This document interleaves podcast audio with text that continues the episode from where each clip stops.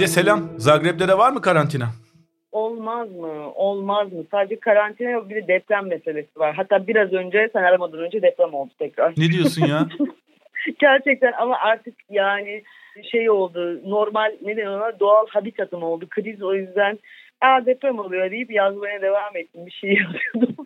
Kendimden de korkmaya başladım bu kadar alışık olmaya. Bir dakika depremler sık mı oluyor bu ara orada ben kaçırmışım. Ee, evet evet ya sorma 140 yıl sonra 10 e, gün önce falan 15 gün mü oldu bilmiyorum. Zagreb'de 140 yıl sonra ilk kez deprem oldu. 5.3 şiddetinde ama şeye yüzeye çok yakın olduğu için 6 gibi hissedildi. Korona evde dur diyor, deprem dışarı çık diyor. ne yapacağız? Bir de tam da o anda kar başladı falan. Komedi dünyası. Fakat tabii ki bir Türkiye'den gelen ve 7 nokta kaçtı e, büyük Üç. deprem. 7.3'ü görmüş bir insan olarak komşularımı sakinleştirdim. Deprem çeşitleriyle ilgili briefing verdim sokakta falan diyor. Şey böyle enteresan bir zaman yaşıyoruz. Yani insanlar dışarıda insanlardan ve binalardan kaçıyoruz Zagreb'de ek olarak. Çünkü binaların yüzeyleri yerlere düşüyor falan. Harika ortamlar. Godzilla'yı bekliyoruz Mirgin. evet. Bir o eksik kalmış. Bir de kar yağıyor dedin değil mi? Hava da pek parlak değil anladığım kadarıyla. Hayır o bir 10 gün önceydi. E, depreme, depremle birlikte geldi o. Şimdi gitti. Fakat hakikaten depremden iki gün yok birkaç gün sonra da şey oldu. Kar gidince e, alakaya bak. E, Türkmenistan çöllerinden e, gelen toz bulutu Zagreb'in üzerine çöktü. Yani Godzilla konusu tamamen gerçek dışı olmayabilir. Hakikaten Perfect Storm'a doğru ilerliyorsunuz yani. Aynen öyle. Peki Aynen öyle. orada nasıl yaşanıyor e, korona salgını? Nasıl önlemler, nasıl kayıplar, e, hastalıklar falan? Şöyle, e, Hırvatistan şu anda gezegendeki en e, güvenli yerlerden bir tanesi. Birincisi vaka sayısı çok azdı. 50'lerde falandı ve orada stabil kaldı. Çünkü çok erken önlem aldılar. Burası İtalya'ya çok yakın olduğu için e, ve Avusturya'ya ve oraya, orada çalışanlar gidip geldiği için e, şeye Hırvatistan'a e, çok hızlı önlem aldılar ve sıkı önlem aldılar. Yaklaşık 10 gündür mesela hiçbir dükkan çalışmıyor pazarlar iptal edildi. Zagreb'in pazarları meşhurdur. Kadınlar gelip satış yaparlar falan. Onların hepsi kalktı. Sadece eczaneler ve süpermarketler ve en büyük süpermarketlere bile sadece 3 kişi girebiliyor aynı anda. Ee, ve insanlar eğitimli diyeyim genel olarak. O yüzden e, herkes 2 metre kuralına son derece dikkat ediyor. Ve işte birbirimizden kaçarak yaşıyoruz. Ama şey değil. O garip ruh hali burada da var. Ne olacak? Böyle mi olacak hep bu ne zaman bitecek falan endişesi. Ama onun dışında hani gerçekten sağlık bakımından düşünüldüğünde son derece iyi. Hastaneleri çok fazla olmadığı için böyle baştan çok sıkı önlem almak zorunda kaldılar ve insanlar da son derece iyi uyuyor şimdilik. E, güzel. En azından birilerinin e, bilinçli davrandığını duymak e, iyi bir şey. Peki sen nasıl yaşıyorsun bu durumu? Ya ilk başta şey diye düşündüm. Ben böyle krizli durumları hep tek başıma yaşarım. İşte Tunus'ta başıma bilmem ne gelir, Beyrut'ta şu olur, bilmem ne falan filan.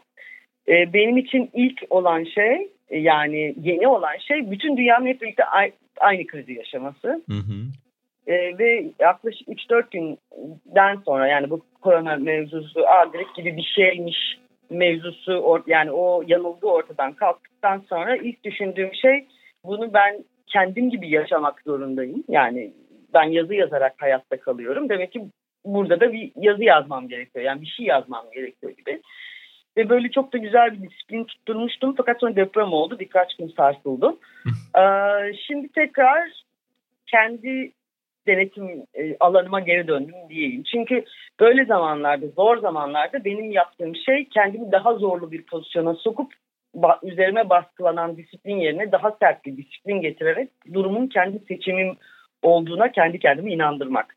Hı hı. Bu da e, yani hapishaneye düşen eski insanların yazdığı şeylerden öğrendiğim Rosa Luxemburg'dan aslında tam olarak öğrendiğim bir şey. Onu yapıyorum ee, ve deli gibi çalışıyorum. Hı hı. Herkes başka türlü başa çıkıyor. Mesela burada bir arkadaşım var Bosnalı aslında ve bir ayda dışarı çıkmıyor. Neden hiç çıkmıyorsun?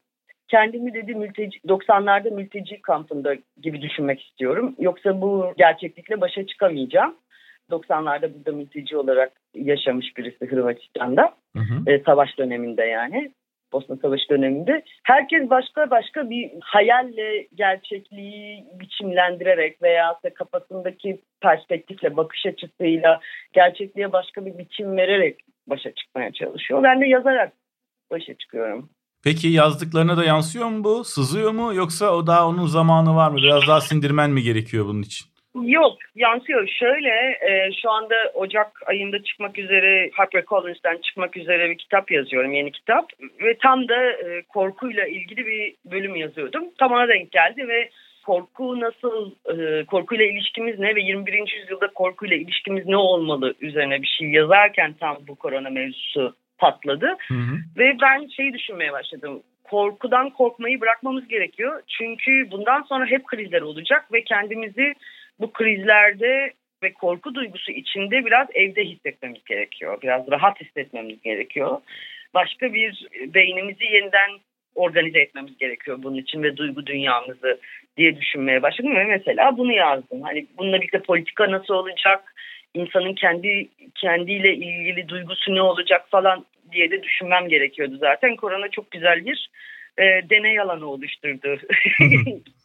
Ee, geçenlerde Alper Aslanoğlu ile psikiyatr e, onunla da bir kayıt yaptık. O da e, şunu yazmıştı. Biraz kayıtta da e, uzun konuşma şansı bulduk. Diyor ki modern zamanlarda şehir insanı her zaman kaygılı ve soyut şeylerden genellikle kaygı duyuyor. E, kendisini bekleyen, çoğu gerçek olmayan ve olmayacak olan şeylerden kaygı duyuyor. İşte iş hayatı ile ilgili, aile yaşamı ile ilgili falan. Ee, bu defa kaygılarının bir objesi var. Bu da insanlara iyi geldi diyor. Kesinlikle öyle. Korkuyla kaygıyı ayıran şey zaten bir objesi, bir hedefi ya da hedefi değil de bir objesi, bir kaynağı olmasıdır. Korkunun kaynağı vardır. Fakat şimdi biz bu korkuyu da kaygı gibi yaşıyoruz ve bu iyi bir şey değil. Birçok insanda ya zaman zaman kendimde de şeyi görüyorum kaygıda olduğu gibi geleceği düşünme isteksizliği. İnsanlar bundan sonrasının daha da kötü olacağını düşünerek geleceği düşünmekten vazgeçiyor. Bu hem insanın duygusal dünyası için hem de dünyanın kendisi için, dünyanın nasıl bir dünya olacağına dair fikirlerimizi e, bastırmamız sebebiyle çok tehlikeli bir şey. Bu yüzden söylüyorum zaten korkudan korkmamak lazım. Çünkü e, dünya neler yaşadı ve bir kez daha yaşıyor. E, geçen gün e, benim e, İngiltere'deki editörüm şey yazdı. Bu çok kötü olacak, her şeyi değiştirecek. Tıpkı 1918'deki Spanish flu, şey, e, İspanyol gribi gibi olacak dedi. Dedim ki İspanyol gribini en son ne zaman konuştun ve senin hayatındaki etkisiyle ilgili ne biliyorsun? Aslında insanlar belli bir korku var ama onu kaygıya dönüştürüyorlar, belirsizleştiriyorlar ve e, büyütüyorlar. E, evet korkunç bir durum var. Bunu asla yatsıyamayız ama bunu daha da böyle ballandıra ballandıra yaşamanın alemi yok. Çünkü hakikaten eğer 1918'de İspanyol gribi de böyle bir etki yaptıysa bunu 1918'den beri ilk kez hatırlıyorsak şu anda demek ki e, yıllar sonra bu korona günlerinde belki de sadece gülerek hatırlayacağız. Bilemiyoruz yani. Ee, bir de seninle konuşurken aklıma ne geldi biliyor musun şimdi? Ee, plan yapmayı da pek çoğumuz bıraktık galiba. Çünkü e, bu işin ne zaman biteceği belli değil. Dolayısıyla kısa vadeli planlar yapamıyoruz. Yani hiçbirimiz işte yazın ne yapacağız, nereye seyahat edeceğiz, yurt dışında olanlar Türkiye'ye gelecekler mi, uçağa binebilecekler mi ondan sonra filan. E, bir de işle ilgili de insanlar plan yapamıyor. Çünkü e, tanıdığım bir sürü insan işinin e, bu iş bittikten sonra devam edip edemeyeceğinden bile emin değil. Acaba ofisimi kapatacak mıyım? İşimi koruyabilecek miyim falan. Böyle majör bir durum olmasına rağmen e, sanki insanlar yani bir, bir belirsizlik olmasına rağmen de tanıdığım pek çok kişi bu durumu böyle bir tuhaf bir soğukkanlılıkla karşılıyor gibi. Ee, bu plan yapamama e, ve bütün bu anlattığın şeylerle ilgili aklıma şöyle bir şey geliyor. Sisyphos söyleni vardı. Mitolojik bir hikayedir. Hatta Albert Camus da onunla ilgili bir şey yazmıştır. Sisyphos kaya yukarı tırmandırır, kaya tekrar düşer, işte e, tekrar tırmandırır falan ve hayatın aslında böyle bir şey olduğuna dair e, bir mitolojik hikaye. E, biz şimdi öyle zamanlar yaşıyoruz ki sadece kaya yere yuvarlan yani geri yuvarlanmıyor. Bir de yuvarlanırken bizim üstümüzden geçme ihtimali var. Hatta bir sonraki aşamada kaya yukarı doğru da yuvarlanabilir gibi böyle bir bilinmezlikler şeyindeyiz. E, fakat Albert Camus'un yazdığı versiyonunda son cümlesi şudur. Biz Sisyphos'u mutlu bir adam olarak hayal etmeliyiz. Ben e, e, böyle bir inadımız olduğunu düşünüyorum. Hani insan olarak e, sadece kayayı yuva, yukarı taşımak sürekli değil. Aynı zamanda kayayı en güzel nasıl acaba yukarı taşırım diye. Hı-hı. İnsanın e, omurgasına böyle kazılı bir bilgi e, bir mesele olduğunu düşünüyorum. Ve ben bu döneme de öyle bakmaya çalışıyorum. Hı-hı. Çünkü gerçekten benim içimde, içinde, senin içinde hepimiz için şöyle bir soru var. Söz artık yani bize hayatımızı kazandıracak bir şey olabilir mi hala bu olaylar bittiğinde? Kim kitap okuyacak? İşte kim e, film seyredecek? Yani bi- biliyorum Instagram'da herkes e, okuduğu kitapları paylaşıyor. Twitter'da millet birbirine sine- film öneriyor falan filan da ben çok az insanın buna konsantre olabildiğini düşünüyorum. Hı hı. Şahsen ben çok kitap okuyan bir insan olarak e, korona meselesi başından beri bir tane kitap okumuş değilim. Hı hı. Sadece dergi makalesi okuyabiliyorum bu belirsizlikte yapılacak tek şey plan yapmaya devam etmek ve o planları modifiye ederken umutsuzluğa ve e, yılgınlığa kapılmamak. Evet maalesef kaya yuvarlanıyor ve tekrar onu çıkartmak zorundayız. Yani bu konuda çok fazla duygu olmaması gerekiyor bence. Ee, insanlar son e, işte bir 40-50 yıldır duygularıyla fazla uğraşıyorlar ve duygularını çok abartıyorlar. Duygular hayatın merkezi haline geldi. Önemli olan ne hissettiğin değil kayayı yukarı çıkartırken. Kayayı yukarı çıkart çıkartmadığın. Ben biraz da buradan da bakmak gerektiğini düşünüyorum. Sen bunları söylerken benim de gözümün önünde hep Tom ve Jerry filmlerinde üzerinden silindir geçen, çatılardan düşen, kapılardan geçerken silüeti kalan filan şeyler, tavşanlar, fareler, evet kediler ya. geldi. yani biraz böyle ya bakmak bak, lazım. Şimdi sen onu deyince de benim aklıma ne geldi? Ee, Beyrut'ta bir kadın bana şey demişti. Şimdi sen burada bir sürü insanla konuşacaksın dedi. İç savaşla ilgili insanlarla konuşuyordum 80'lerdeki. Herkes sana savaş ne kadar kötüydü bilmem ne onu anlatacak dedi. Fakat hepsi gizli gizli savaşı özlerler dedi. Çünkü o zamanki duygularını, o zamanki yüksek duygularını yaşamak isterler falan. Belki biz de şu anda daha sonra özleyeceğimiz bir şey yaşıyoruz. Bu inanılmaz geliyor olabilir hani kulağa. Ama o kadar da inanılmaz gelmemeli belki de şu anda yaşadığımız şeye biraz öyle bakmalıyız. Hmm. Belki de özleyeceğimiz Bu dediğin, bir şey de var. Evet yani ilginç bir şey çünkü biraz galiba insanların yakınlaşması, samimiyeti ve kibarlığının artmasıyla ilgili bir şey. Savaş döneminde de çünkü savaşın olduğu evet. toprak toplumlarda da topraklarda bir dayanışma hissi oluyor. Şimdi de e, bir anlayış, karşılıklı anlayış, aynı şeyi paylaşma hissi var. Tabii savaşla kıyaslanamaz ama e, normal evet, hayatında yani, konforlu olan toplumlar için bu e, yeni bir durum hakikaten. Yani bütün krizler insanlık tarihi boyunca iyiyi ve kötüyü berraklaştırır. Yani e, iyi iyiyi daha net görürsün, kötüyü daha net görürsün. İyi ile kötünün savaşı son derece açık bir şekilde ortaya çıkar. Ee, bu berraklığı belki özleyeceğizdir. Bunu bir düşünmekte fayda vardır belki. Evet. Düşünüyorum. Evet, bunu görmemiz de çok uzun zaman almayacak diye düşünüyorum. Yani fark etmemiz. Bana da şey bana da bana kalırsa da öyle. Evet. Bana kalırsa Peki, da öyle. E, çok çalışıyorsun ama çok bir şey okuyamıyorsun. Öyle demiştin.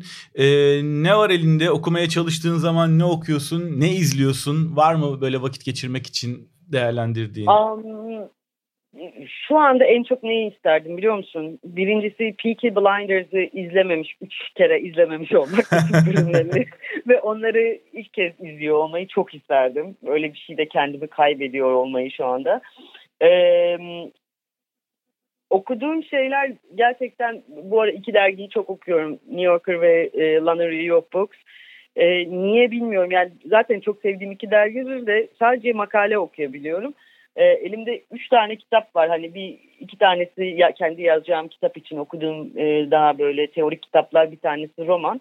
Fakat hepsini bıraktım yani gerçekten konsantre olamıyorum. Ee, şey e, HBO dizilerini izliyorum burada. Netflix'i bitirdim çünkü.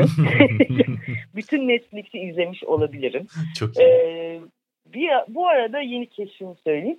Benim de arkadaşım Sezi Tezkir, Tezkir ve Lucy Russell e, Beethoven'ın sonatlarını yaptılar. Onları dinliyorum böyle obsesif bir şekilde. Bir de Cecilia Bartoli var böyle opera sanatçısı çok çılgın bir kadın. E, çok hoş da bir kadın. Onu dinliyorum. Böyle bir yüksek sanat, yüksek teori falan. Yani beynimi gerçekten zorlayacak bir şeyler yapmam lazım. Yoksa e, kaçıyor. Aklım kaçıyor e, realiteye ve realite her şu an iyi gelmiyor. An evet şu an çok iyi gelmiyor. Dolayısıyla kafamı Meşgul etmeyin. Ya bu kriz bizden hiç olmadık bir şey bekliyor. Hiçbir şey yapmamamızı bekliyor. Bu çok insan doğasına ters bir şey. O yüzden bu kadar zorlanıyoruz hepimiz gibi geliyor bana. Ben de böyle başa çıkıyorum. Evet. Ece çok teşekkür ederim. Çok tatlı bir sohbet ben oldu. Ben teşekkür ederim. Sesini de çok özlemişim gerçekten. Ben de, ben de. Umarım yakın zamanda görüşürüz de. Sağlıklı kal, mutlu kal. Sen de öyle. Sevgiler. Bay bay. Görüşmek üzere. Bay bay.